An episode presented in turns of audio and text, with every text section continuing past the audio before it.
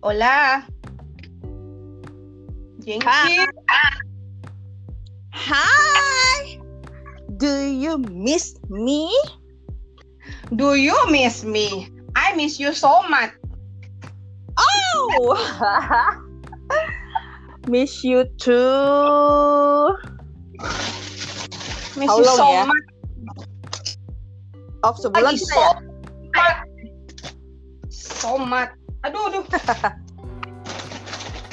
ya, ke mana tadi clipper snack gua? Ah, dia lagi nge-snack nih. Moncing-moncing.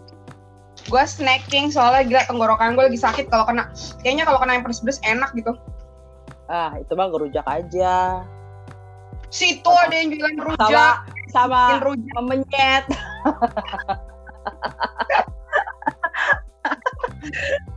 Enak nih iga kambing dipenyet ya kan? Boston kan? Di sop di sapi apa di apa disatein. Hmm, tapi gue tapi gue emang kalau kambing nggak terlalu itu loh. Dari dulu Nggak terlalu ya? dari Ah, ah, dari kecil. Entah something about baunya kayaknya. Mungkin pada saat lu pernah makan cara Yang masak kurang jago. kurang canggih. Ha. rasa sih tapi emang emang ini kali ya, eh, ya lidah ya lidah beda-beda. Gue sama bokap gue nggak terlalu nggak terlalu suka sate kambing tapi keluarga gue yang lain suka. Kayak Suka ya? kayak misalnya ah kayak keluarga gue semuanya pada suka duren gue sama bokap nggak suka. Kayaknya gue sama bokap agak DNA-nya agak beda beda kembaran Nggak kembaran gue kan ada pasangan ya temannya ya Bo. Nggak sendirian. Hmm. tapi giliran ngerawat. Sama Hah? kayak lu gitu. Gue pernah gitu sama lu. Gue nggak suka something gitu kan tapi hmm. eh, apa maksudnya dulu kecil tuh gue nggak suka ikan Hmm. tapi sekarang gue suka ikan Iya ya. Kalau gue, kalau gue suka ikan gara-gara laki gue, gara-gara sushi awalnya. Gue nggak suka sushi tuh. Jadi beneran gue, gue tuh beneran makan sushi jeng, diajakin Clara berapa kali tuh nggak nggak nggak mau, nggak pernah.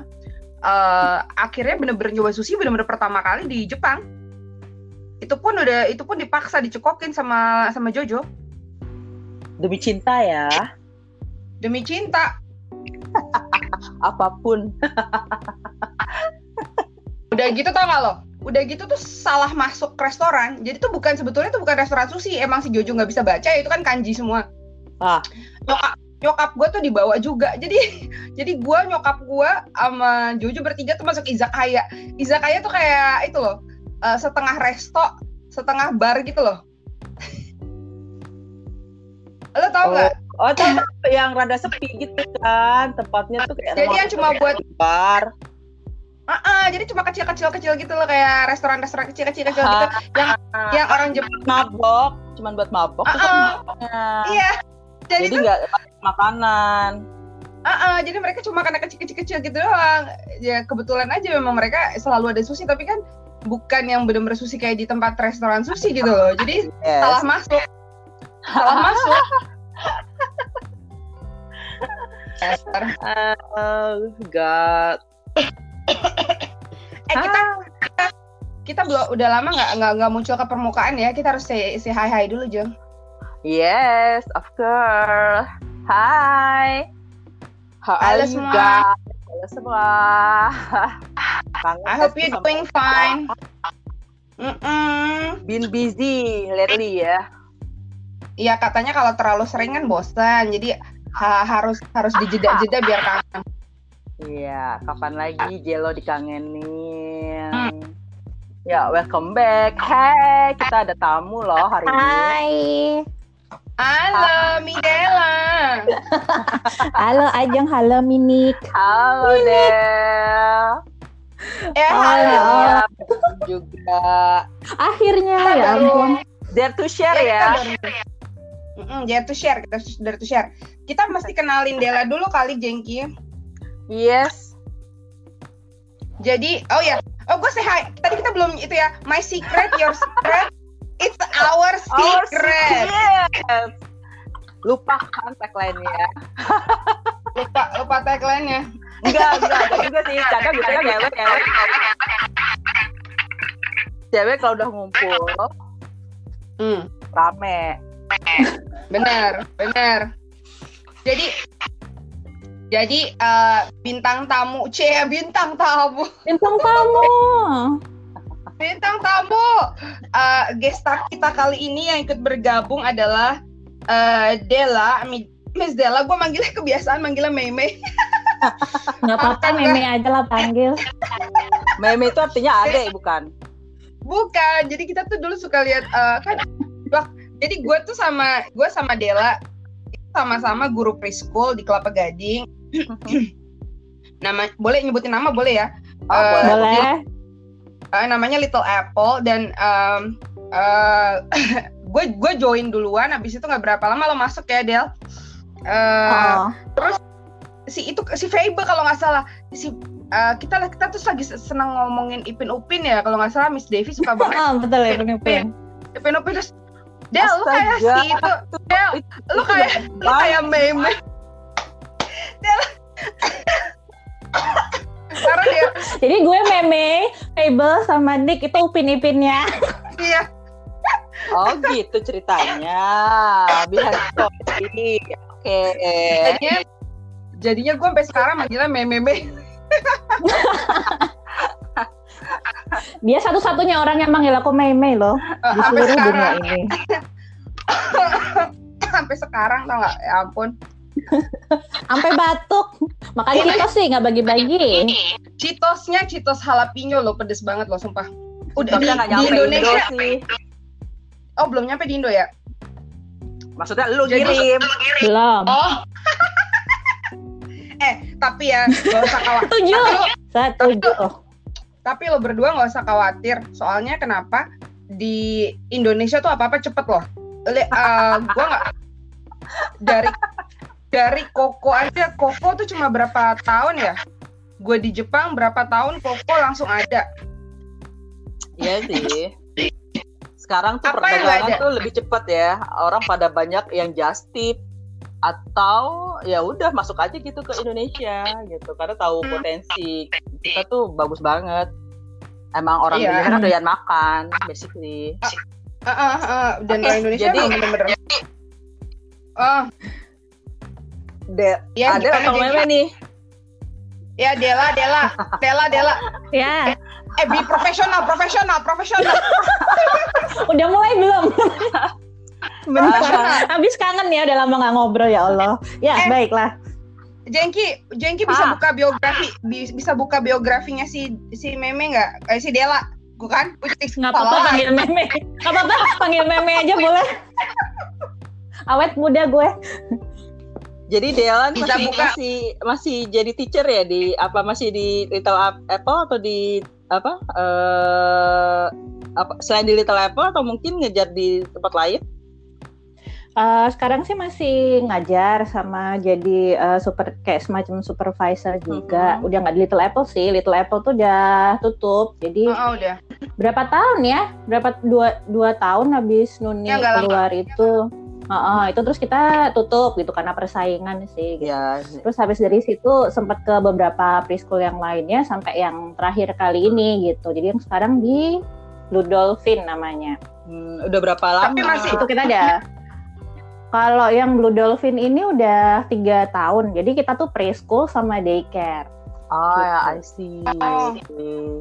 Tapi kalau dihitung dari pertama kali pengalaman mungkin hampir Hmm. ada 10 tahun, 10 years.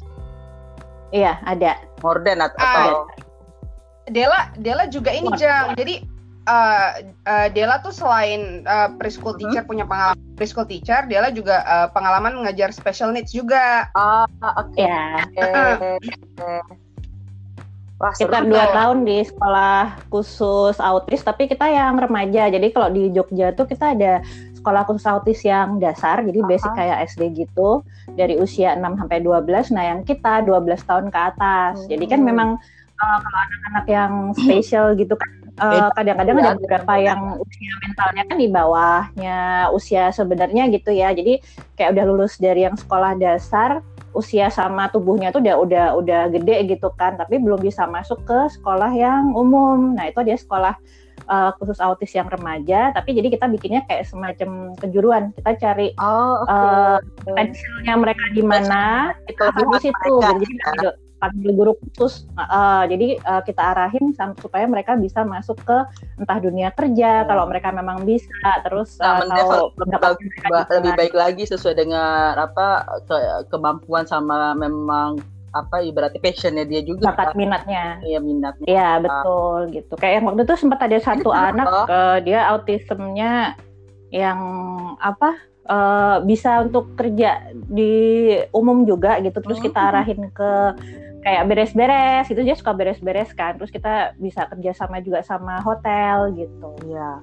Mungkin ya buat eh, teman-teman eh, autis autis itu kalau dulu mungkin literaturnya mungkin sedikit ya. Kita cari tahu itu Hmm. tidak terlalu banyak pilihan. Artinya eh, mungkin nggak semua nggak nggak semua orang tua yang memiliki eh, anak yang eh, dengan kebutuhan khusus.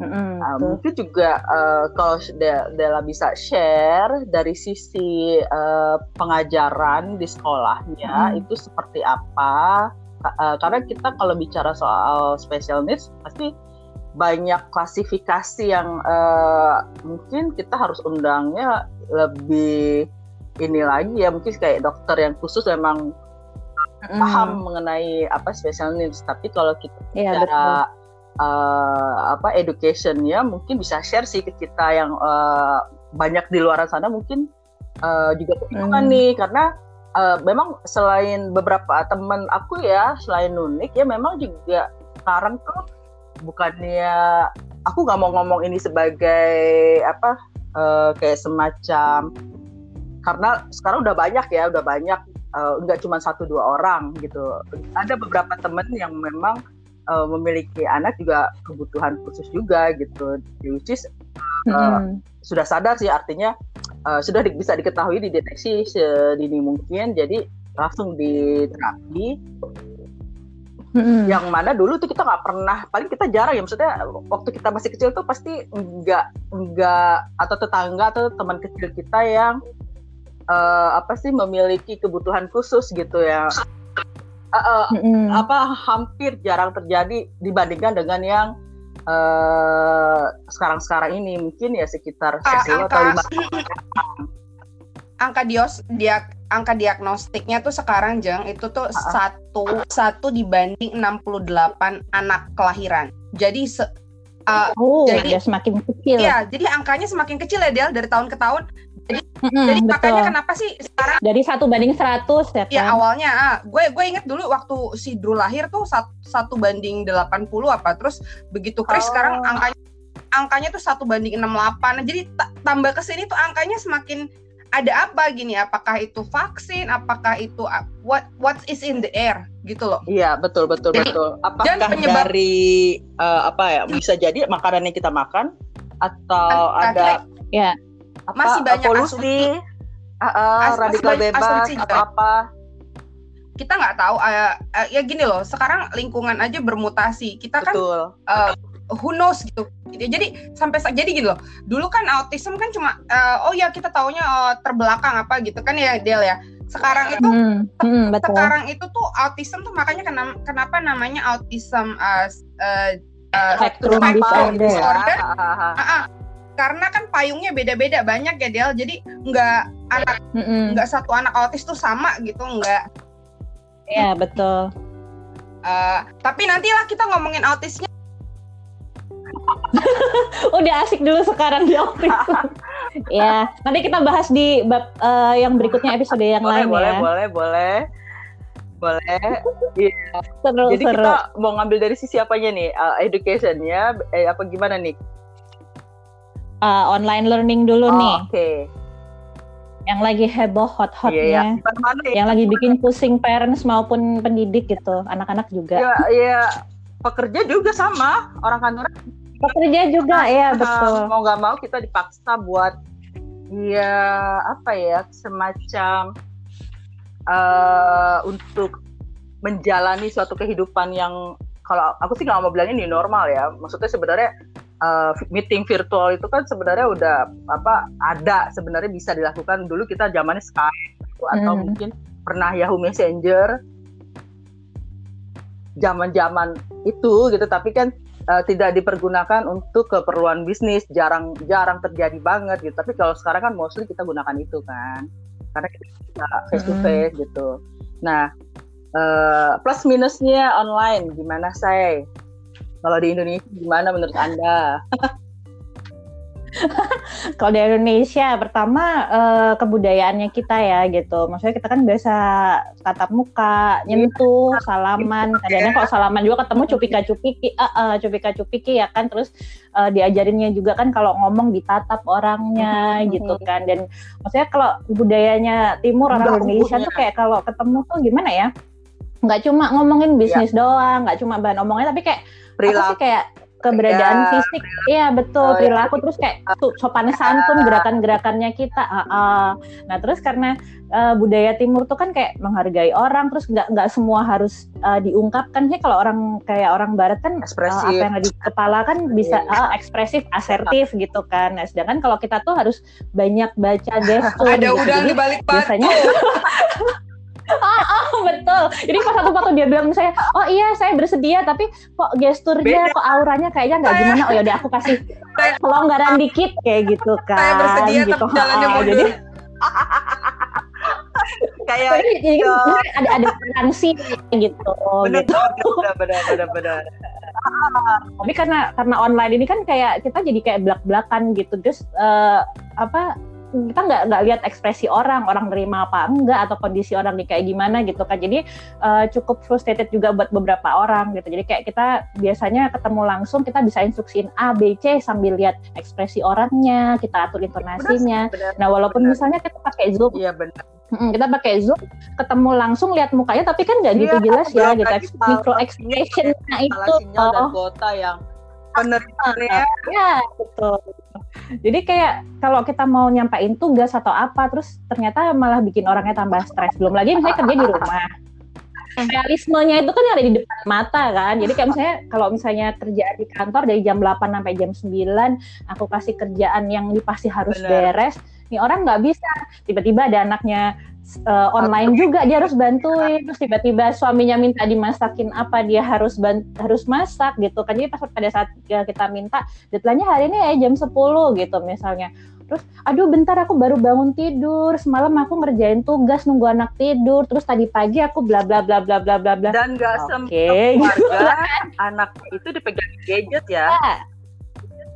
Nah itu dia salah satunya coba juga, bayangkan gitu. kalau anaknya lima bu ya, Egonya kayak gimana? Aduh. Bentar ya, Miss. Yang ini dulu anak saya dulu ya. Terus pindah lagi. Itu dia.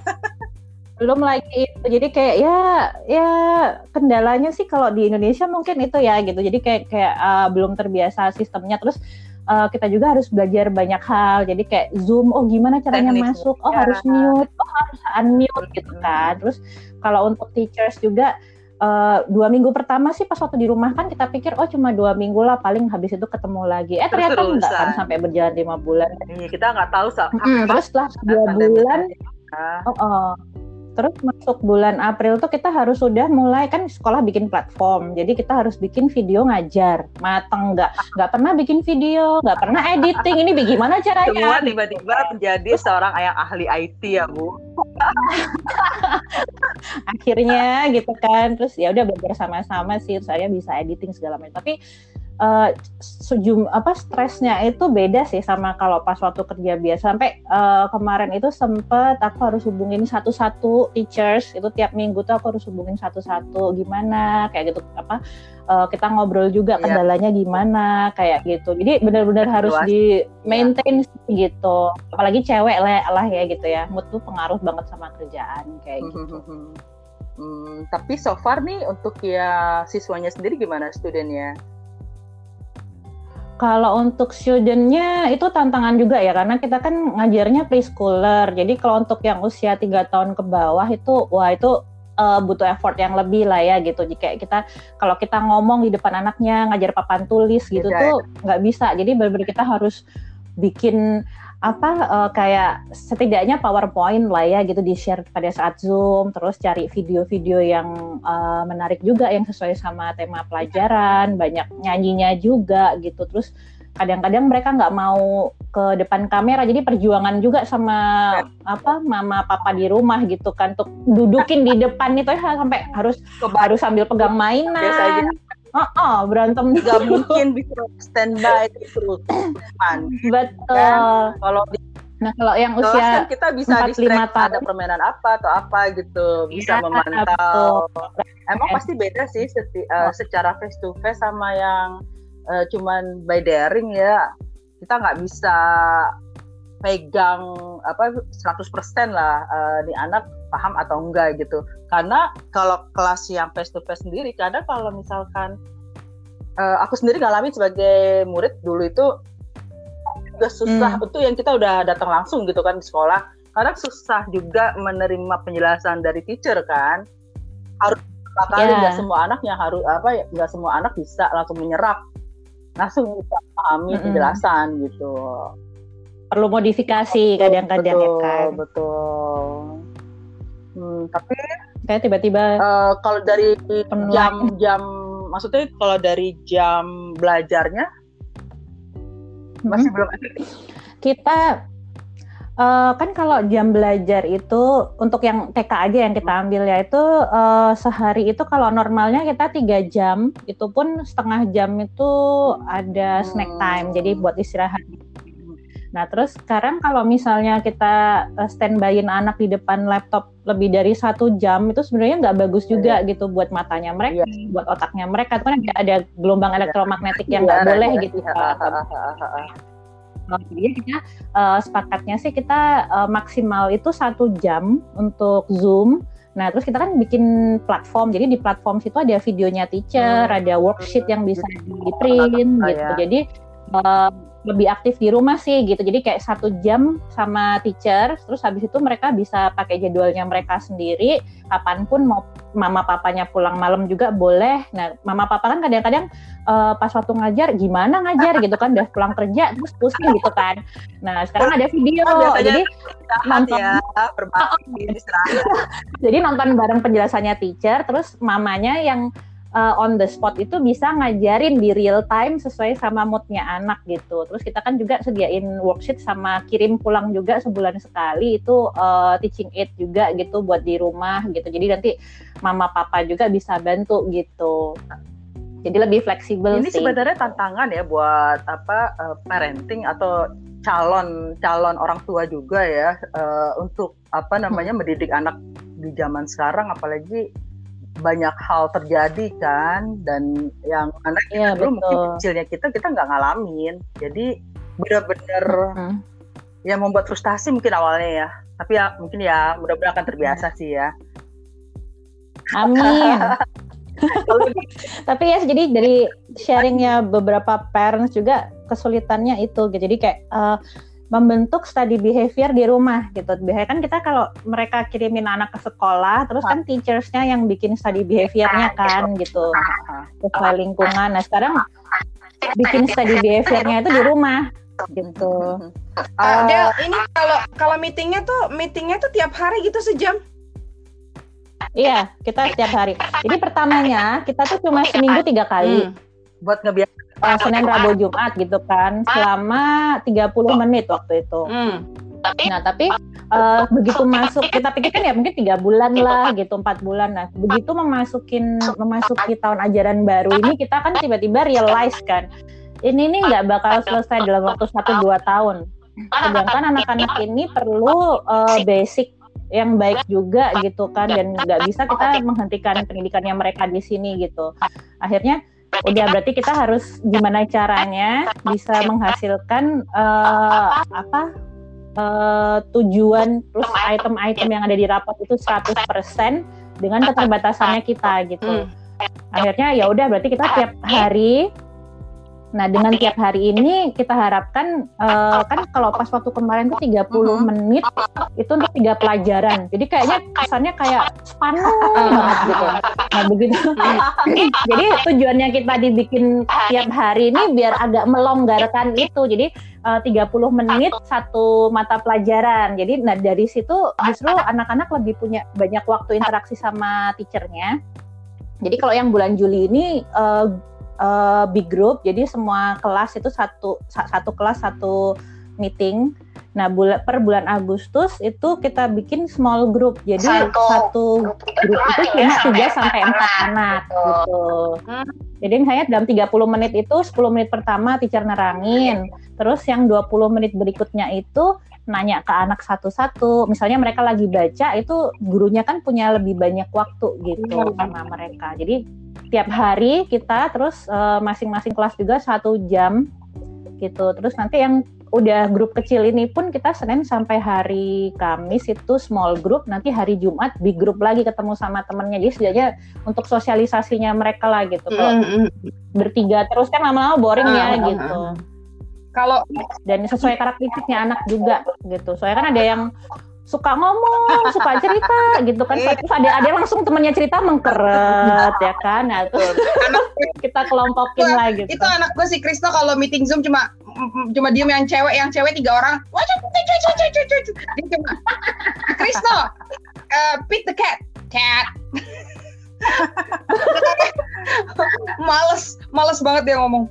Um, iya betul. Uh, nah itu salah satu hambatan juga gitu nggak nggak semua anak kan kadang-kadang cocok ya pakai sistem zoom gitu. Jadi ada yang uh, aku harus nunggu semua tenang dulu baru aku ngomong gitu. Sedangkan grupnya nggak memungkinkan gitu. itu, tapi emang itu rata-rata uh, jiwa anak psikologi Del. Anak-anak anak psikologi sabar ya, yang sabar. Sabar, bener. Gue punya temen anak psikologi itu rata-rata good listener Oh, thank you loh. gue dari zaman kuliah, pantesan dia teman gue tuh dulu kerja di customer service. Cocok. Cocok banget. Iya. Yeah, Oke. Okay. Yeah. uh, jadi gini deh, uh, dari sekolah dari oh. sekolah sendiri itu uh, uh, ada ada websitenya nggak situs resminya gitu belum ya? Iya, kalau kita sih udah ada situs resmi. Terus yang kita pakai itu uh, punyanya kita sendiri gitu. Jadi apa uh, platformnya tuh Blue Dolphin uh, Playschool dot uh, abc apa sih digital kampus. Jadi kita kerjasama ada pengembang gitu kan digital kampus. Nah dari situ. Oh gitu. jadi anak-anak khusus Blue Dolphin. Jadi pakai password nama anak sama password nanti kita kasih gitu. Oh uh, jadi agak-agak similar ya. Inilah bedanya. Uh, ini loh bedanya di luar negeri sama di sini ya. Uh, oh, gimana tuh? Hmm. Kalau kalau kita Del, uh, karena gue sekolah negeri ya, uh, sekolah publik, hmm. sekolah publik, um, jujur ya untuk kecuali uh, anak gue kan dua-duanya autistik ya, jadi untuk hmm. untuk uh, bener-bener depan monitor, gue nggak kebayang Yeah. Gue nggak kebayang kayak lo satu jam gitu bisa modar yang ada kerus yang ada kerusuhan. uh, uh, untung aja gue guru TK ya, maksudnya untung gue punya ya, oh, basic ya. Ada basic. Pernah ngajarin ya. ah. Iya loh, ruang bawah tanahnya kayak preschool loh, bener. Iya, jadi buka aja bu. bener. Jadi gue desain sedemikian rupa supaya anak-anak itu comfort, supaya anak-anak dapat vibe uh, sekolah sekolah hmm. di di di, uh, di di tempat sekolahnya gitu. Tapi gini, uh, kalau kita Mel, uh, uh, Del kalau si Drew itu videonya agak lama. Drew tuh kira-kira 20 menit dan itu gue struggle banget gitu uh, deng dengan 20 menit. Okay. Uh, du untuk duduk si Drew dengerin teachernya 20 menit untuk menurut gue itu torturing banget. Karena gini, uh, kalau gue mendingan gini, ya lu kasih gue tugasnya sini, gue kerjain, uh, gue akan side by side sama dia gitu. Dibanding dia denger, hmm. dibanding dia dengerin teachernya circle time itu bener-bener deh itu kalau menurut gue sebagai orang tua ya huh ini bener-bener struggle. Sedangkan kalau Krisno uh, kalau Krisno kan dia empat tahun ya ah, usia-usia preschool. Kalau dia itu videonya lebih pendek kira-kira paling panjang itu 12 menit. Karena okay. jadi soalnya gini Del kalau lebih dari itu gue yakin juga kabur-kaburan. Mm -hmm. uh, kalau lo kan kalau lo sama murid lo kan interaksi ya satu jam interaksi lo akan dengerin dia dia dengerin lo. Jadi uh, ada timbal balik ya. Kalau di kita jadi tiap hari tuh teacher sending video. Mm. sending sending video. Terus nanti kita dikasih tes dikasih tugas uh, di uh, di apa? Setiap hari gitu. Setiap hari dikasih tugas. Terus ada ada daily videonya. Terus hmm. kita ada ada zoom meetingnya tuh seminggu sekali deh jadi nggak terlalu jadi guru sini tuh nggak kayak kalian bener-bener uh, 100% effort. Makanya kan gue bilang uh, jadi guru di Amerika tuh enak daripada sekarang. Iya. Betul. bener loh bukannya emang selalu begitu ya? Yang enggak oh, dengan special needs dengan yang biasa aja gitu kan faktor pertama sih kalau menurut aku faktor ya. kebudayaan ya. Terus yang kedua nih ya buat info just for your info ya. Untuk yang kelas yang lain itu sebenarnya uh, muridnya memang uh, rata-rata uh, aku nggak suka ya dengan nyebut kata normal gitu sebenarnya normal tuh apa anak-anak yang lain tuh memang bisa ngikutin ya. gitu karena mereka tidak ada hambatan atau halangan ada sih gitu jenis kayak semacam ADHD tapi masih nah, selain lagi ya, ya. nah sebenarnya kelas yang aku pegang yang umur tiga tahun itu saat ini tinggal ada tiga anak jadi yang satu autis, yang satu lagi uh, mamanya belum mau sharing sebenarnya diagnosnya apa, tapi udah ikut terapi juga. Hmm. Tapi kalau menurut apa uh, pandangannya aku tuh sebenarnya masuk ASD oh. juga sih gitu.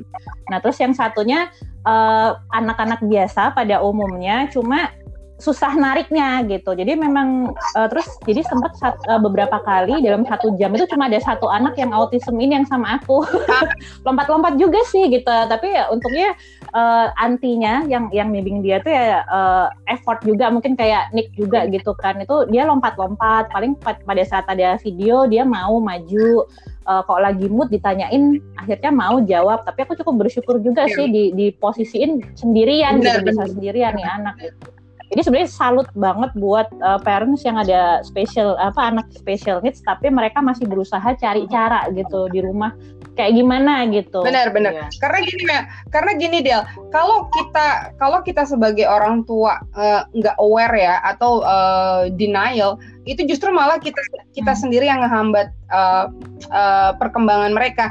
Gue juga gitu. Saat oh. gue ngajar dulu sama Chris, gue nggak akan lebih tapi tapi gue salut ya sama mereka gini. Artinya uh, di sekolah justru gini gue bersyukur karena online learning Del gue sendiri yang megang uh, yeah. karena ya. gini karena kalau karena dulu kan termaksud moderate ya uh, jadi dia nggak terlalu suka lingkungan sekolah karena itu tuh noisy jadi kalau teman-teman hmm. kalau teman-teman di luar sana nih ya yang yang pernah nonton Superman uh, episode episode 1 kita yang pernah nonton. Nih gue gue jujur deh yang pernah nonton Smallville yang pertama-tama Clark Kent masuk sekolah itu dia nutup kuping itu anak gue oh. ah ah oke. Okay. jadi ada orang ngomong kencang dikit bisa. Dia tuh sensitif banget ke, ke suara jadi langsung ditutup. Oh makanya suka dipakai headset tuh ya nah, biar fokus. Ah jadi dia kalau di luar tuh udah earphonean aja jadi nggak mau orang mau ngomong apa kayak mau apa bodo amat. Bodo. jadi hmm. uh, karena terlalu it's it's overwhelming banget buat dia. Tapi kalau si Krisno malah teriak-teriak. Jadi uh, kalau adik Tapi dia kalau gue perhatiin dia ini ya Nick ya sama adiknya nggak nggak ke orang lain nggak nggak gitu ya. Maksudnya kan si Krisno tau sendiri kan uh, kayak apa jumpalitannya gitu kan. Rese jadi kakaknya tuh cuek aja loh. Iya, jadi gini, uh, kalau menurut gue nih sebagai orang tua special need Del, gue malah bersyukur dengan hmm. gue bersyukur dengan online learning. Uh, artinya gue justru cocok, cocok ya. Cocok banget, gue bersyukur. Malah laki gue udah lah gak usah sekolah sama lo aja. Iya, yeah, pikir ya.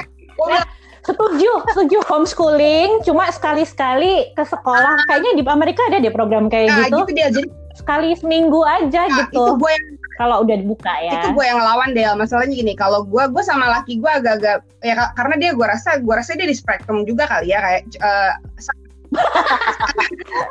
sangat eh serius ini. Karena dia orangnya bener introvert masih aja udah pernah ketemu ya. Lu juga udah pernah ketemu kan? Orangnya diem nggak ngomong. Eh ketemu tapi nggak banyak ngobrol. Maksudnya nggak nggak nggak sampai yang gimana gitu cuma ketemu hai doang kan gitu. Nggak orang kan bayangannya oh uh, nikah sama bule orangnya friendly bulenya ini. Bulenya cep diem lu boleh palsu sih. Berarti cocok dong ya sama Nick yang ampun-ampun ngobrolnya. Iya makanya. To Dia jarang ngobrol, tapi sekali ngobrol isinya berkualitas. Ah biasanya Ah, kalau orang ya betul. kalau orang diam agak-agak Betul, menghanyutkan. Ah, balik lagi, balik lagi.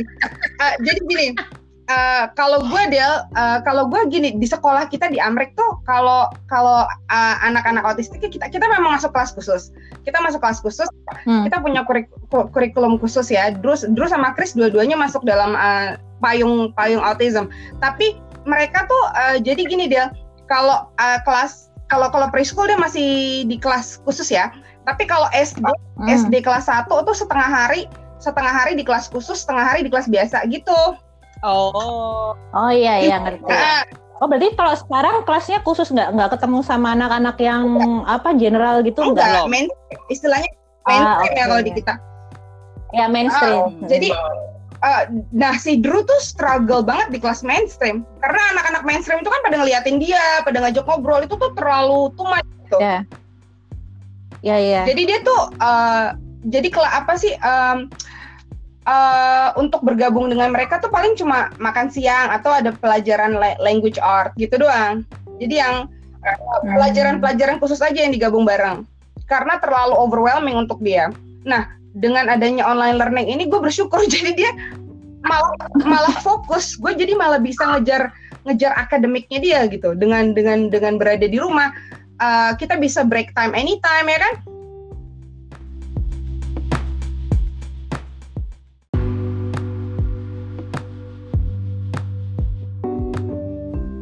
hai. Hola. ya ampun. Seru loh, tadi udah setengah jam ya. Lumayan, lumayan. Beres Monik. Lagi makan cetos. Ah, kepotong deh Ah. ceritanya. Maaf ya guys, ada kesalahan teknis. Bukan mati lampu loh. Bukan karena Zoom ya. 45 Bukan menit langsung otomatis juga. gitu. Mana Desa? Mana nih lagi update IG dia? Ya Allah. Minik, Minik. Oh, Wah, udah masuk. Ya. Ah, Dipanggil lakinya kayaknya nih. Jangan-jangan. Honey, please come back.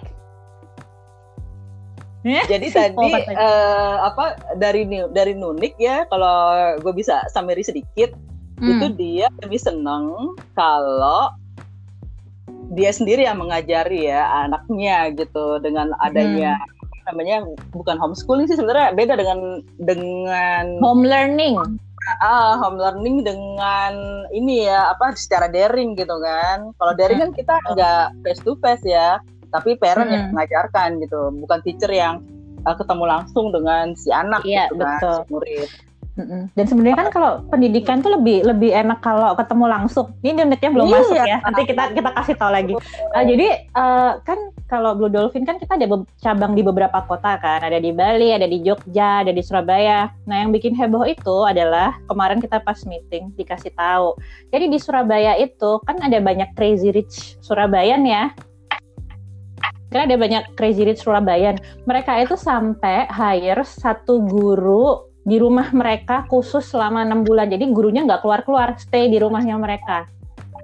halo Halo, halo halo iya hola ibu. keselak citos Iya gimana gimana Del? Ya Allah. Iya, enggak tadi kan eh, terakhir kan kita ngobrol tuh kalau eh, Nuni kan lebih nyaman cocok buat eh, anak-anak belajar di rumah jadi home learning ya kalau kalau homeschooling itu kan parents yang bikin kurikulum segala macam.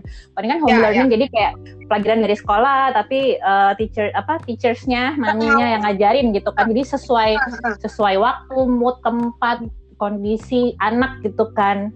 Nah, terus tadi Benar, aku cerita, nah yang heboh itu kemarin pas lagi kita meeting, jadi kan dari cabangnya Blue Dolphin itu kan kita suka ada meeting gitu kan, uh, mingguan.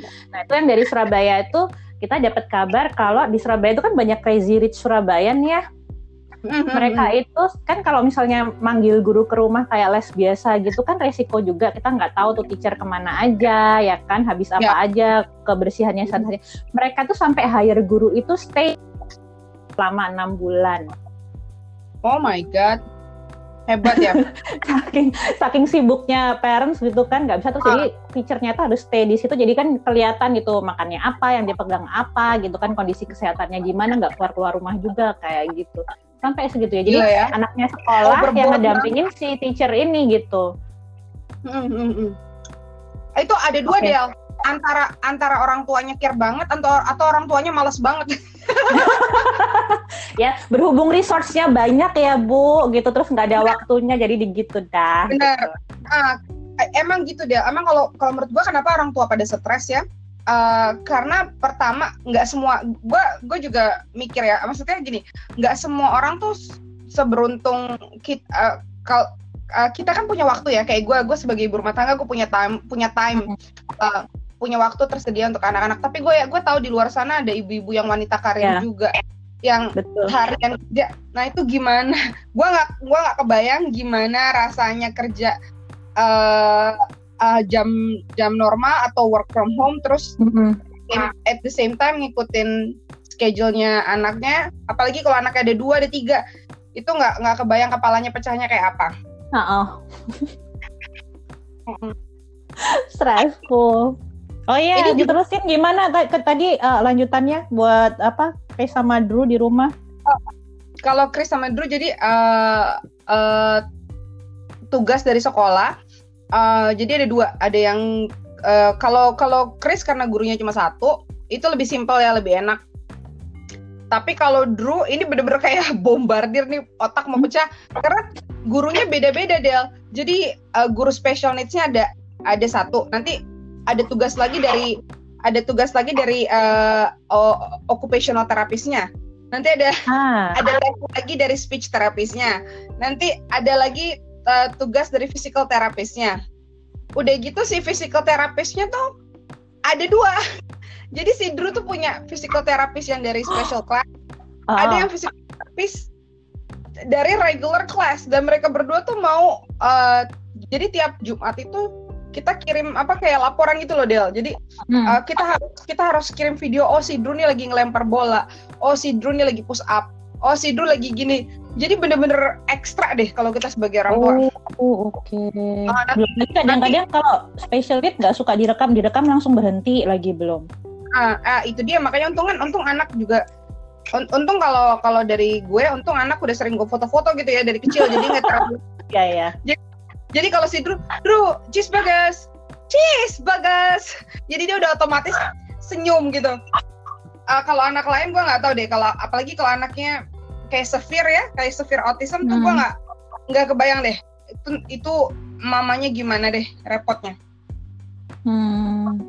untuk apalagi kalau di kita kan eh, kayak eh, art ada lagi tugasnya nanti. Apalagi musical ada lagi. Jadi kalau menurut gue enak sih di websitenya maksudnya eh, semua ada. Tapi bener-bener overwhelming karena semuanya kita harus sebagai orang tua kita harus rep- report ke mereka tiap Jumat Del. Mm-mm. jadi semuanya pada minta barang bukti. Jadi Ya ngerjain betul ini betul. kirimin fotonya ya. Ini kirimin ini ya. Sedangkan eh, nggak ada penilaian kan kalau kalau special needs kan eh, cuma Hmm. apa ya, beda ya Deskripsi aja perke- per- apa deskripsi perkembangan kayak gitu. Ah, ah, jadi mereka mau progress reportnya jadi tuh ibarat kata udah 100% ada di kita kalau kita oleng kita oleng dikit udah ke Bye telat bye. bye jadi dua minggu jadi sebelum iya beneran jadi eh, tahu nggak Del sampai ada sebelum tutup term nih Hmm. parents dikasih waktu. Wah, ke mana sih Dela? Jengki, halo. Oh oh. Tes tes tes. Jengki, are you there?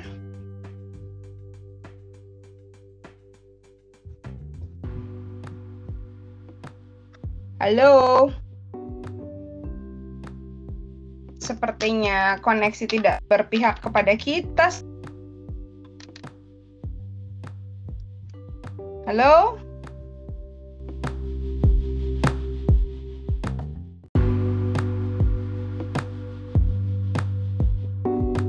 Halo. Halo. Oh, halo Bandung. Jengki apa kabar? Ada ada signal nggak kali ini? Halo. Tuh kan hilang lagi suaranya. Jengki di manakah dirimu berada?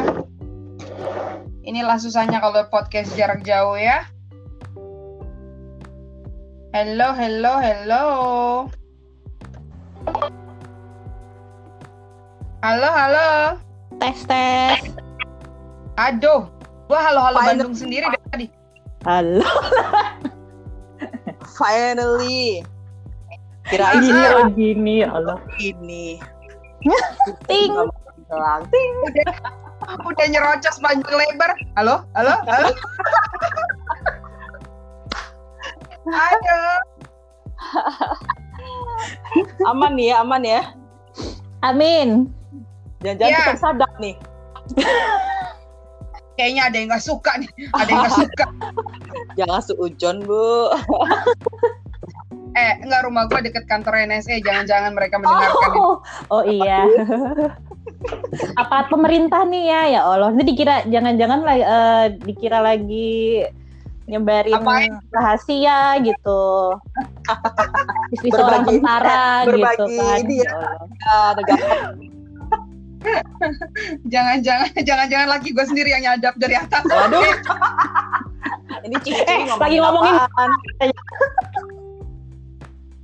Enggak, dia bilang selama kamu gak tiktokan nggak apa-apa. Oh iya, lagi lagi dilarang ya. Eh beneran dilarang ya itu ya? Oh, dia dia gue dari dia tuh parnoan loh dari awal. Eh, jangan jangan. Eh, jangan jangan. Dari dari awal banget dari awal itu heboh gue nggak boleh disuruh. Uh, Kalau- tapi tentara begitu sih, mereka kan udah udah biasa di intelijen kan. Bapakku Ah. juga suka gitu, suka suka parnoan apa gitu. Tapi bener juga sih, kita nggak tahu dunia mereka kan. Kita di sini di di sini emang kalau militernya emang biasanya ini cyber security di sini semua me.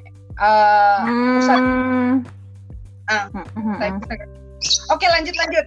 Jadi Baik. tadi kita ulang lagi, kita ulang lagi. Jadi kalau untuk kalau untuk gue, kalau untuk gue, gue lebih suka online learning karena gue punya gue punya waktu. eh itu burungnya siapa kandangin? Coba deh. Biasa Nggak apa-apa, Jawa. buat bag- Wong Jawa itu kalau nggak ada burung kan bukan wong Jawa. Siapa nama bapak kamu?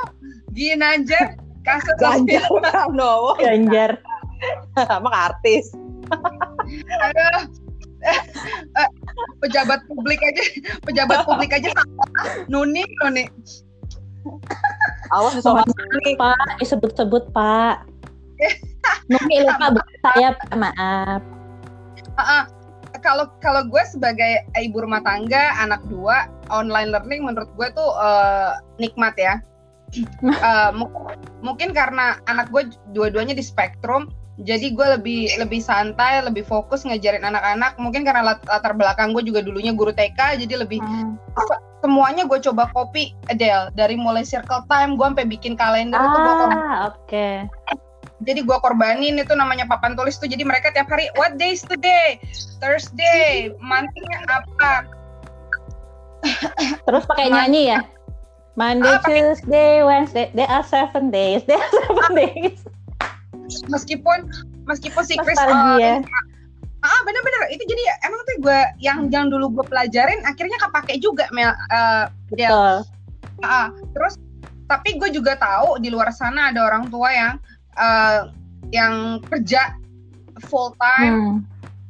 mungkin juga jauh dari orang tua eh eh, mesti nyewa daycare untungnya tempat lo ada daycare ya kalau kalau di Indonesia kan kayaknya daycare belum terlalu ini ya Enggak sih, udah mulai. Udah mulai oke, tapi masih belum bisa buka sih kalau yang tempatku. Oh iya, Ah, karena kan Bisa ditutup kita sama dinas kalau social buka. distancing Oh, kan. oh. Tapi Ah, udah ah, mulai iya iya di kantor Tapi memang udah menjamur sih sebenarnya day, apa eh, budaya daycare eh, grandparents juga orang tua kakek nenek Iya. juga udah nggak alergi sih gitu. dan beberapa Iya, iya. kantor juga ini kasih sarana prasarananya tuh juga ada Ya. daycare juga. Jadi kalau pas Di kantor betul. kan anaknya dibawa taruh di situ. oh hebat ya jadi bener-bener udah modern banget di Indo ya semua Iya. semuanya udah udah ada karena emang eh, ya tapi emang gue setuju sih karena gini uh, gue ngeliat ada tetangga gue uh, yang notabene umurnya kayak nyokap gue uh, orang tuanya both of them kerja. Jadi mau nggak mau si bocah sama neneknya. Nah neneknya itu kan umur nyokap gue 70 tahun deh sekarang uh. gimana cerita ceritanya? Uh, 70 tahun lu uh, megang-megang komputer ngezoom apa segala macam. Oh, kasihan. itu udah bukan baby boomer lagi ya? Ah gila. Gue gua aja gua aja 30 bisa muntah Iya kita aja 30 tahun stres apalagi 70 tahun yeah. gue nggak kebayang itu kalau kita kasih uh, responsibility ke ke grandparents itu gue nggak kebayang deh gimana repotnya.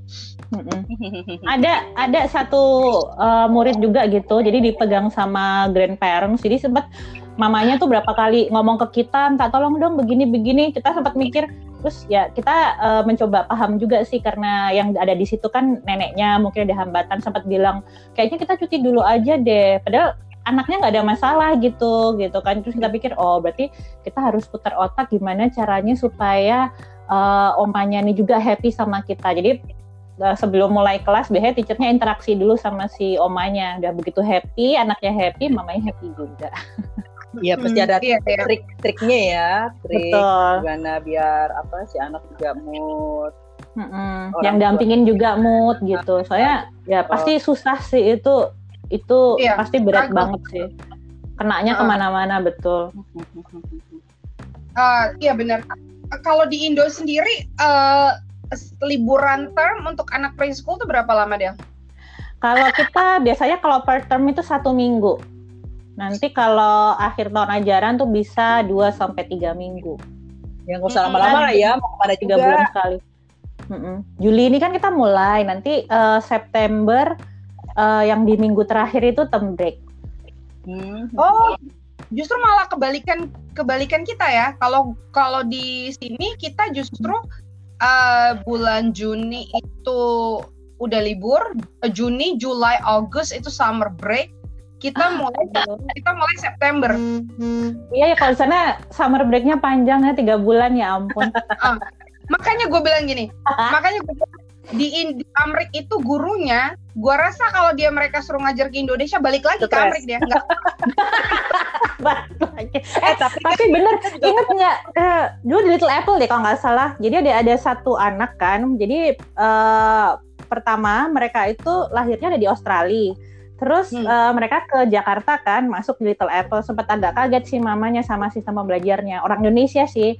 Nah terus hmm. pas waktu mereka balik lagi ke Australia, tapi kita udah bilang kan sebenarnya pendidikan di Indonesia kan Asia banget, sedangkan kalau yang Australia kan kayak uh, lebih American gitu kan. Jadi nah. bisa jadi nih anak pas waktu balik advance. Benar, mamanya ngabarin habis begitu balik ke Australia, anaknya tuh oh. jadi asisten teacher karena udah bisa baca tulis gitu. dan teachernya pada wow semua. Wow jadi nggak jadi benar-benar uh, yang lainnya baru baru sounding phonics gitu kan dia udah bisa baca gitu. Ah dan gue juga gue juga ngerasa loh Del gue juga ngerasa uh, si Drew bukannya gue sombong belagu gimana ya gue lebih ngerasa si Drew banyak progres sama gue ketimbang waktu dia di sekolah karena uh, ah, di sekolah Tiger itu, nggak karena gini fokus anak gue anak gue tuh Spiderman banget. Jadi di sekolah itu kalau misalkan teman kan gini gurunya satu ya uh, masing-masing masing-masing anak ada teacher's aid ya. Hmm. ada ada ada si asistennya gitu karena anak spesial shadow kan teacher. Ah, ah, ah, ada shadow teachernya. Nah si Drew itu kan sa jadi satu shadow teacher itu untuk dua anak Del kalau di sini. Ah oke. Okay. nah jadi uh, si Miss Hayes-nya itu aduh orangnya tuh orang Rusia tapi tabahnya minta ampun orangnya baik banget wow, Rusia disiplin loh oh disiplin tapi tuh baik Keren. banget kayak orang oh. Jawa gitu jadi Miss Hayes itu dia bagus tegas tapi kan anak gue sih cepat kilat gerakannya jadi yeah. uh, jadi tuh uh, si gurunya lagi lagi ngasih lagi ngajarin temannya si Drew udah hmm. kelar dia dia bingung bosan mau ah, ngapain okay. lagi langsung naik langsung naik meja langsung balancing kayak sirkus gitu. Dulu gitu gitu. Jadi uh, di sekolah itu uh, gimana ya karena harus ganti-gantian jadi kan teacher nggak 100% sama dia ya, gitu betul. jadi dalam waiting time itu harusnya anak bisa ngapain jadi diam nungguin anak yang lain. Hmm. jadi jadi agak agak boring gitu. Tapi kalau kalau di rumah sini kan mereka abis ini ya udah kakak sana kakak manjat udah uh, adik gantian duduk. Jadi mereka udah tahu oh abis gue abis gue belajar abis abis gue selesai ini uh, aku boleh main. Abis aku yeah. gini aku jadi, ada strukturnya ya. Jadi mereka dia, dia tahu rutinitasnya habis ini ini. Kalau aku cepat melakukan ini aku bisa cepet main kayak gitu kan. Di sekolah banget itu. Itu level banget itu. Iya makanya jadi kan kalau di kalau di kalau di sekolah sih dulu kan nggak bisa uh, nggak bisa untuk uh, uh, minta itu gitu kan. Karena mm-hmm. karena semua udah ada schedule-nya kan time time segini dia harus ada di kelas ini time segini dia harus di kelas ini. Sedangkan dengan gue dia lebih fleksibel kan. Ayo kakak kerjain dulu. Abis ini baru kakak boleh begini. Jadi dia lebih lebih ada freedom. Kalau di sekolah dia nggak ada. Nah itu yang yang kalau menurut gue kenapa dia lebih progres enak di rumah ketimbang di sekolah. Tapi gue tahu uh, waktu gue training di Lia ada beberapa tipe apa dulu ya uh, learner ya ada yang learner. visual audio ah, ada visual yang, hmm. ada yang apa satu lagi kine kinestetik kinestetik kinestetik ah, nah jadi hands on uh, biasanya kalau yang kinestetik kan. Nah, kan. Dia pegang Jadi, sesuatu, nah itu dia lebih lebih lebih cepat ingat gitu. Uh, uh, kalau menurut gue sih dulu lebih lebih model yang anak seperti itu. Kinestetik. Sedangkan uh, uh, kalau di sekolah tuh apa apa visual, apa apa visual. Jadi dia tuh uh, kalau mau ngapa-ngapain harus pencet gitu loh. Dia pencet device. I want to ini. -uh. Jadi kalau menurut gue jujur sebagai parents uh, dengan anak yang speech delay harusnya mereka tuh selain disuruh mencet, anaknya disuruh ngomong juga. Jadi iya, mereka ya, belok mereka enggak. Oh, nah, jadi ini juga ya, terapi juga ya. Ah, I see. Jadi ah. biasanya uh, ya itu sih aku nggak tahu ya kalau di Amerika gimana ya. Pas di Indonesia juga itu kebanyakan kalau anak spesial itu kita kebanyakan visual visual visual gitu kan pasang apa ah. taruh gimana nah, tapi ada beberapa anak justru yang nggak bisa kalau ada visual justru distract jadi dia justru butuh kelas yang kosong nah terus nah. kalau orang Indonesia orang Asia ya itu kan walaupun anaknya kadang-kadang ada speech atau apa kita tetap tetap pokoknya usahain buat kita kayak seakan-akan anak ini bakal ngomong gitu tapi maksudnya nggak maksain gitu nah cuma kalau di nah. luar biasanya mungkin karena toleransi ya jadi mereka kadang-kadang ada nah. beberapa yang berpikiran ya kalau emang anaknya emang uh, nggak nggak apa kan ada beberapa tipe tipe yang emang nggak akan mengeluarkan suara gitu kan yang non verbal nah sebenarnya mungkin maksudnya toleransi tapi di sisi lain kita sebagai orang tua kan kadang-kadang diajarin tapi dong gitu walaupun dia non verbal nah, tapi perlakukan nah, kayak anak biasa gitu. Benar benar. Itu itu dari dari dari sisi parents gue ngerasa gitu Del mentang-mentangnya anak gue non verbal jadi lebih ke dihajarnya device terus device terus padahal uh. padahal di rumah nih si kakak di rumah tuh mama open the door. Mama I want to swing. Dia malah lebih lebih menggunakan uh, jadi Kata -kata. kadang gue suruh, ah kadang gue suruh ngomong si Krisna berarti Krisna. bukannya nonverbal dong kalau nonverbal tuh sama sekali nggak ada kata-kata keluar loh tapi mau mau gitu deh tapi gue tapi dia dikategoriinnya agak-agak nonverbal sama sama oh. sekolah uh, uh, karena dia di sekolah tuh sama sekali nggak mau nggak mau ngomong Ah, oke. Okay. Jadi tuh dulu waktu awal-awal si Drew um, preschool ya, dia sama sekali nggak ada suara. Sedangkan di rumah dia bisa A, B, C, D sampai Z. Jadi gue sampai tau nggak Del? Gue sampai videoin si kakak, hmm. videoin Drew sebagai bukti ke gurunya ini loh anak gue bisa ada suaranya. Hmm. Sampai ini ya kenyamanan ya, anak dia gak nyaman sama teachernya nih. Jadi bisa jadi anak tuh di sekolah sama di rumah tuh beda gitu loh. Uh, uh, penampakannya. Gimana sih? Jadi oh, makanya makanya mak uh, makanya gue dengan adanya pandemik ini justru malah bersyukur ya. Uh, kalau ada orang tua yang lain malah komplain apa gimana kalau gue malah senang tapi gue tahu orang tua lain nggak beda mungkin ya perasaannya karena mereka mungkin working hard gitu. Sampai dia hmm. bilang ada ada yang cabang Surabaya sampai gurunya ditaruh. Gurunya di rumah. Oh, bukan bukan bukan gurunya kita sih. Jadi dia sharing ada uh, orang tua yang ambil guru tapi bukan bukan guru kita sih. Kalau kita oh, nggak nggak oh, oh kalau kita sih sama sekali nggak apa namanya nggak nggak men tidak membolehkan guru untuk datang ke rumah untuk uh, keamanannya guru sama anak-anak juga sih. Jadi itu ada ada cerita satu Crazy Rich Asian itu ngambil guru gitu. Iya. Ya, tapi kalau kalau menurut gue sih memang kalau emang kalau emang ada fasilitas kenapa enggak ya kan? Hmm, betul. Iya, sampai ada uh, apa tuh gue ngelihat ada public figure di Indonesia yang gara-gara pandemik ini nyerah anaknya anaknya anaknya di DO dari sekolah. Ya betul. Ada ya, banyak kita juga banyak kehilangan murid karena itu sih mereka ngerasa kayak online learning nggak cocok gitu dia. Uh, kalau ada dari parents ada juga mungkin karena penghasilan mereka nggak nggak full 100% lagi gitu terus akhirnya uh, toh ini kayak kayak nggak cocok buat anak saya akhirnya saya mengundurkan diri gitu juga ada sih beberapa. Oh berarti sampai, ini impact nih Nuni sampai uh, itu apa tutor time tahu kan pas waktu di sini juga ada tutor time kan udah terkenal. Itu dia yeah. tutup tiga cabang salah satunya yang di Kelapa Gading. Tutup sekolahnya. Oh my god. Karena yang yang lagi ketar-ketir itu kita preschool. Kenapa? Karena kalau di SD SMP SMA orang tua nggak mungkin narik anaknya kan. Udah wajib hmm. itu. Nah tapi kalau hmm. preschool masih kamu nggak sekolah pun asal pada saat anak kamu masuk SD tes lulus bisa. Nggak harus pakai ijazah gitu. Jadi mereka banyak yang ya udah deh apa yang kita bisa cut di cut akhirnya pendidikan anak itu yang mereka cut gitu. Jadi banyak yang TK TK masih lumayan survive ya tapi kok tiga tahun ke bawah itu kebanyakan banyak kalau yang nggak mampu iya. tuh tarik semua itu. Makanya ya, banyak sekolah juga ini juga lebih ke worried sebenarnya sih. Ya Nggak, tapi sebenarnya kan bisa online sebenarnya mereka masih bisa ada pilihan online tapi mereka pilih nggak usah lah nggak apa-apa kok nanti aja kalau udah TK mungkin 2-3 tahun lagi saya masukin lagi saya cari sekolah kayak gitu. Oh tapi berarti bener-bener impact ke bisnis ya Del ya? Berarti ya?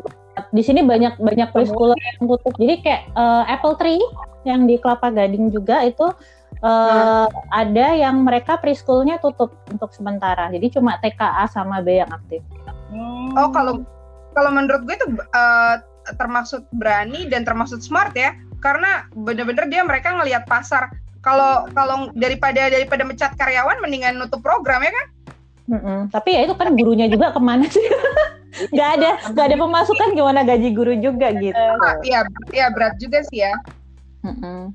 ya ya Jadi ya gitu ya banyak yang narik ya. juga sih gitu makanya kalau yang pas ada yang artis yang dia narik anaknya ya itu dia karena karena masih kecil kan gitu jadi semua ah. masih mikir ya di rumah aja main-main juga nggak apa-apa lah gitu lumayan kan iya. kan murah biaya juga gitu ya gue juga gue juga baru-baru ini gue baru-baru ini juga nolak summer school Del hmm. jadi, jadi kita kalau anak kalau anak autis kan segala sesuatunya harus repetition kan uh, karena kalau mereka tidak tidak berkesinambungan akan terjadi regres gitu kan? Oh, kalau kalau di ya, atas ya, betul sekali. Nah, terus secara ini online kita udah online berapa bulan, udah gitu harusnya si Drew sama si Chris tuh ada ada ada summer school selama sebulan uh, bulan Juni pertengahan sampai Juli, pertengahan Juli itu gue reject. Karena gini Del, uh, gue proposal proposal dari sekolah gue reject karena percuma juga gue sebagai orang tua uh, lah ya langsung gue langsung gue uh, gue tolak. Karena ujung-ujungnya ini summer school gurunya beda lagi.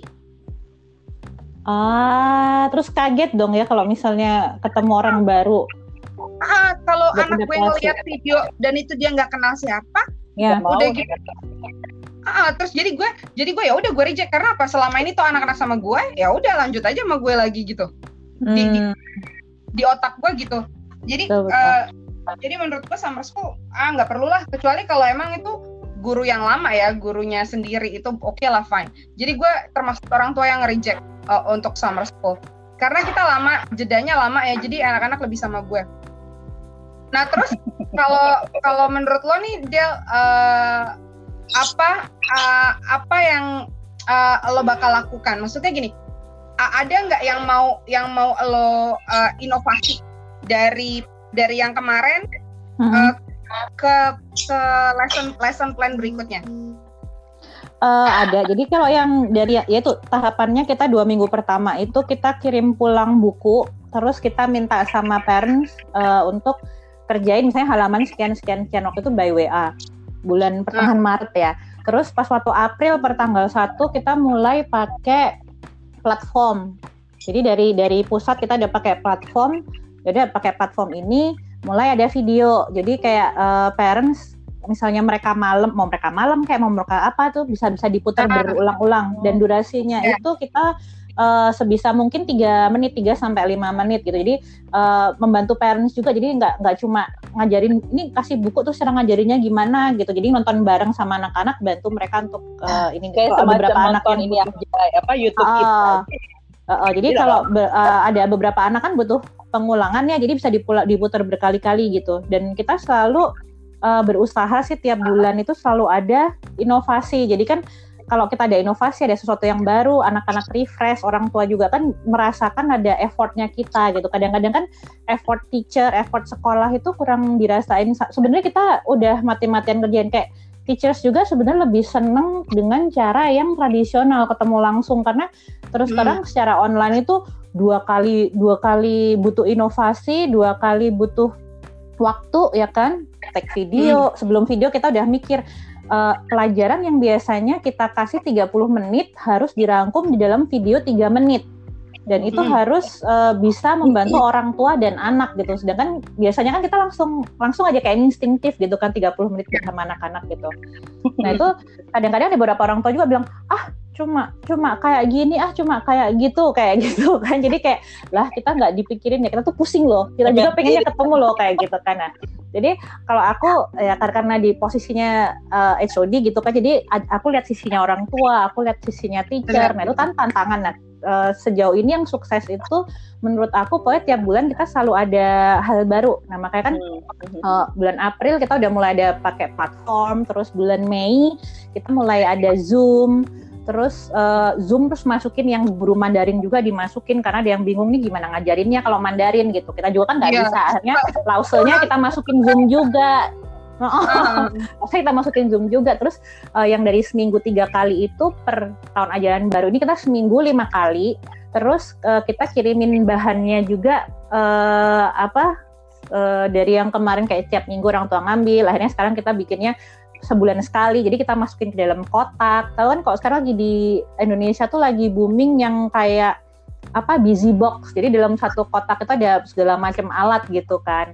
Nah itu kita Hmm. bikin uh, pelajaran. Jadi nggak cuma worksheet yang kita kirim. Jadi misalnya ada science ada uh, arts and creativity gitu kan. Kita masukin Keren di ya. dalamnya situ gitu. Ada oh, oh, ada kalender juga gitu kan? Nggak nggak semua parents kayak Nuni kan pernah ngajar jadi bisa bikin kalender Ya. sendiri. Nah ini nggak ada ide gitu kan? Jadi kita kirimin Hmm. bulan ini kita kirimin pulang uh, kalender sama star chart. Jadi nanti ada ada stiker kita bilang sama parents stikernya nggak boleh dikasih ke anak-anak. Jadi ini per hari kalau guru bilang dia dapat star baru parents keluarin Oh, anaknya nempelin kayak gitu. Hmm. nah, gitu. ada jadi rewarding Ah, nah terus ya itu juga kan jadi kayak kayak parents tuh kayak karena tiap tiap bulannya ada sesuatu yang baru kan jadi kayak ngerasa nggak stuck gitu ya. Kita juga mikirin uh, psikologisnya orang di rumah juga gitu karena kita sendiri kan ngalamin kayak tadi aku bilang aku harus uh, hubungin satu-satu teachers gimana? Ada masalah apa? gitu. Berat Hmm. ya? Apa gimana? kayak gitu kan ya. Jadi bisa bayangin juga nah itu gimana caranya kita reach out parents semacam kita sama teachers kita gitu kan. Jadi kalau ada sesuatu yang baru kan kayak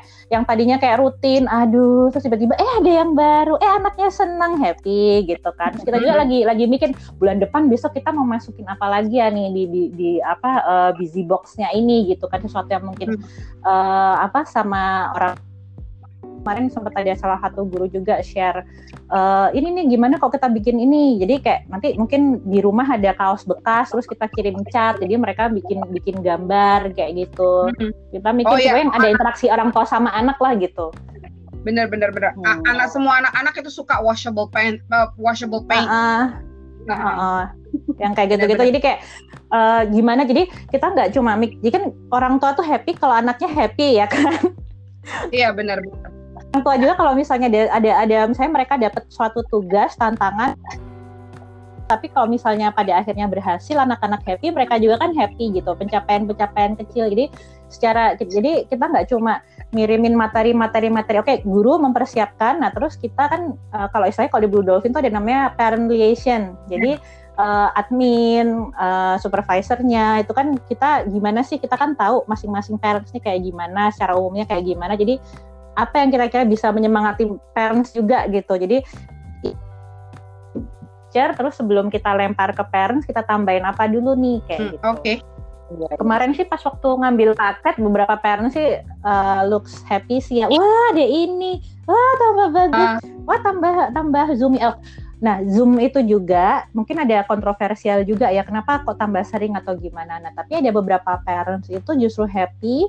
Kenapa? Karena ada beberapa anak uh, yang cuma mau mengerjakan worksheet pada saat ada Zoom, ada teachernya Hmm. Gitu. Jadi dengan adanya teacher pada saat uh, teacher ngajar anaknya pegang kertas ngerjain gitu daripada di rumah berantem ya Hmm. kan.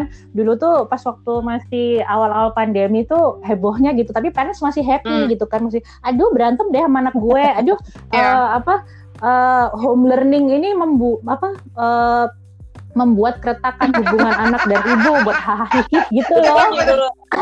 Ada ada yang bilang ada ada meme, Iya, meme juga dari parents banyak gitu kan. Aku angkat banyak. tangan please deh teacher gitu kan. Jadi kayak pas bulan Maret itu masih lucu-lucuan, tapi begitu April pertengahan itu serius banget, bener-bener Iya. stressful gitu kan buat Iya. beberapa parents gitu. Udah Udah nggak lucu Iya. Stadiumnya udah stadium 4 ya. Oh, stres-stresnya udah udah, udah di ubun-ubun. Oh. Eh, Betul. ya ampun. Dan itu juga eh, sebagai sebagai teacher juga aku kan nggak ngobrol gitu sama teacher. Eh, aku sih sebenarnya eh, bulan sampai eh, sebelum tahun ajaran baru gitu kan aku bilang aku sih sebenarnya masih dalam tahap denial tapi ini kita nggak mungkin eh, bertahan kayak gini terus dan jangan pernah berharap kita bakal ada normal Iya, lagi. iya. Jadi kita Betul, gimana betul, betul, caranya? Sekarang kita harus move on gitu kan. Pokoknya pasti lebih susah terus dan kalau di sini itu eh, apa ya fenomenanya itu kan karena sekolah-sekolah nih kita nggak nggak bisa optimal seperti biasanya kan ngasih diskon ya. Ini agak agak ada curhatan seorang teacher sendiri sih. Jadi walaupun walaupun bayaran sekolahnya mereka diskon oh, oh, tapi kan insting sebagai teacher itu kan kita eh, tetap harus ngajar tuh supaya anak-anak tuh kemampuannya optimal 100% Benar. kan. Bukan karena oh parents you bayar eh, cuma 80% jadi I kasih 80% nggak bisa gitu kan. benar, benar. dan instingnya sebagai guru tuh nggak bisa Iya. bener deh. Jadi eh, yang yang pernah ngajar gitu tuh pasti ngerasain. Jadi kalau misalnya kita setengah-setengah at- atau misalnya eh, harusnya tujuannya sampai 6 tapi pencapaian anak itu 4 kita tuh bisa kesel sama diri Benar, kita sendiri benar. gitu loh. I'm failed as a Ya, teacher I know, kayak I gitu know, loh jadi nggak bisa dicicil-cicil. Nah itu dia jadi kayak pas waktu masih awal-awal apalagi kita sebagai parent liaison tuh kemarin pas di awal-awal itu tekanan dari parents itu tuh agak-agak ag- pa- parent apa te- bukannya tekanan mereka ngerongrong atau gimana bukan. Aku juga paham situasinya mereka seperti apa dan itu kan ngerasa kayak di pundak tuh kayak rasa beban kan kita gitu. Sedangkan aku kalau misalnya aku bebankan ke teachers juga aku tahu kondisi mereka Ya, kayak gimana Sebenarnya gitu jadi eh, gimana kalau- jadi di tengah-tengah Ya, gitu. Ah, ah, kalau dengar ini ya, dengar apa namanya eh, penjelasan eh, pengalaman gitu kan.